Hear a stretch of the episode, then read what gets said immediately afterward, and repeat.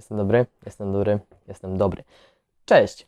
Witam Cię serdecznie w kolejnym odcinku, w kolejnym e, materiale. I dzisiaj chciałem Ci opowiedzieć kilka słów o mega, mega, mega istotnej kwestii, którą jest budowanie społeczności w mediach społecznościowych. E, skupimy się głównie, ja się skupię dzisiaj na Instagramie, dlatego że ostatnio bardzo wiele osób mnie pyta i mówi: Tomek, obserwowałem, obserwowałam Cię gdzieś od początku. I wtedy pomyślałem sobie, pomyślałam, że takie mało znaczące konto, nie mówię, że teraz jest jakieś mega znaczące, ale jest już na pewno większe. E, I wtedy nikt jeszcze mnie nie traktował poważnie, ja sam siebie nie traktowałem jeszcze do końca e, poważnie, ale udało mi się w dość krótkim, myślę, że czasie e, zbudować całkiem niezłą, na pewno są osoby, które to zrobiły lepiej ode mnie, ale całkiem niezłą grupę docelową, całkiem, nie, całkiem niezłą społeczność. I pojawiły się pytania do mnie, w jaki sposób to zrobiłem. I pierwszą rzeczą, którą chciałbym poradzić każdemu twórcy i której ja sam nie rozumiałem na początku, jest to, że Instagram nie polega tylko na wstawianiu relacji i cyklicznym postowaniu. To trzeba zrozumieć albo do tego samemu dojść. U mnie to było raczej tak, że sam musiałem to zrozumieć. Ale Instagram to również e, budowanie ekspozycji na swój profil i angażowanie się u innych. Dlaczego? E, Dlatego, że jeżeli ktoś widzi komentarz pod czyimś postem, pod postem dużego konta, które dziennie, przez które dziennie przewija się kilkanaście, kilkadziesiąt tysięcy osób, jeżeli ktoś widzi Twój komentarz po raz pierwszy, to sobie, to sobie pomyśli, no, jakiś profil, fajnie, fajnie, i pójdzie dalej. Ale kiedy zobaczy to po raz 15, kiedy zobaczy to po raz 20, czyli Ty konsekwentnie będziesz e, cisnął, będziesz komentował e, i mimo, że komentarze bezpośrednio nie przynoszą Ci ani zysku, e, ani jakichś innych profitów, to budują ekspozycję na Twój profil i kiedy ktoś po raz już kolejny trafi na Ciebie, zobaczy jakiś e, Twoją nazwę użytkownika w komentarzu, kliknie, bo w końcu się zaciekawi i myśli sobie, kurczę, być może będę mógł, mogła od tej osoby wziąć coś ciekawego. Pojawia się w tych samych postach, które przeglądam ja, więc dlaczego mam do niej nie zajrzeć? I tutaj włącza się ten czynnik budowania społeczności. To znaczy, kiedy budujesz tą ekspozycję na siebie przez ko- konkretnie przez ym, 2, 3, 4, 5 miesięcy, jesteś już trochę znany przysłowiowo w tym świecie Instagrama, to znaczy ludzie cię zaczynają kojarzyć. A to już jest coś, dlatego że to jest bardzo dobry fundament pod zbudowanie mega fajnej społeczności. Bo na początku jest tak, że wszystkim się wydaje, że robią coś źle, bo robią trochę w ciemno. A prawda jest taka, że za mało ludzi nas jeszcze zna. I wracamy tutaj do punktu wyjścia, czyli e, budowania ekspozycji na swój profil. To buduje społeczność.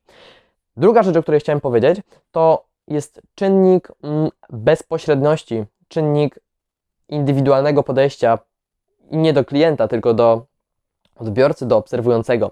Kiedy ktoś mnie zaobserwuje, to mimo tego, że jestem dość zajętym człowiekiem, to i tak zawsze wysyłam mu głosówkę. E, Zawsze się z nim witam.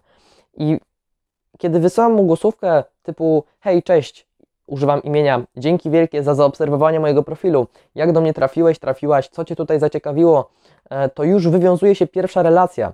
Już ten kontakt jest o wiele lepszy. Potem z taką osobą mogę się mówić na konsultację, zapraszam ją na podcast, oferuję możliwość pytania mnie, jeżeli ma jakieś wątpliwości, zapraszam na newsletter. E, I kiedy naprawdę zauważyłem, ludzie się zaczynają otwierać, e, zaczynają mnie pytać, bo często jest tak, że nikt im wcześniej nie powiedział, że mogą kogoś o coś zapytać. E, I wtedy oni się przede mną otwierają i mówią: Tomek, mam taki problem XYZ, pomóż mi w tym, czy to jest zrobione dobrze.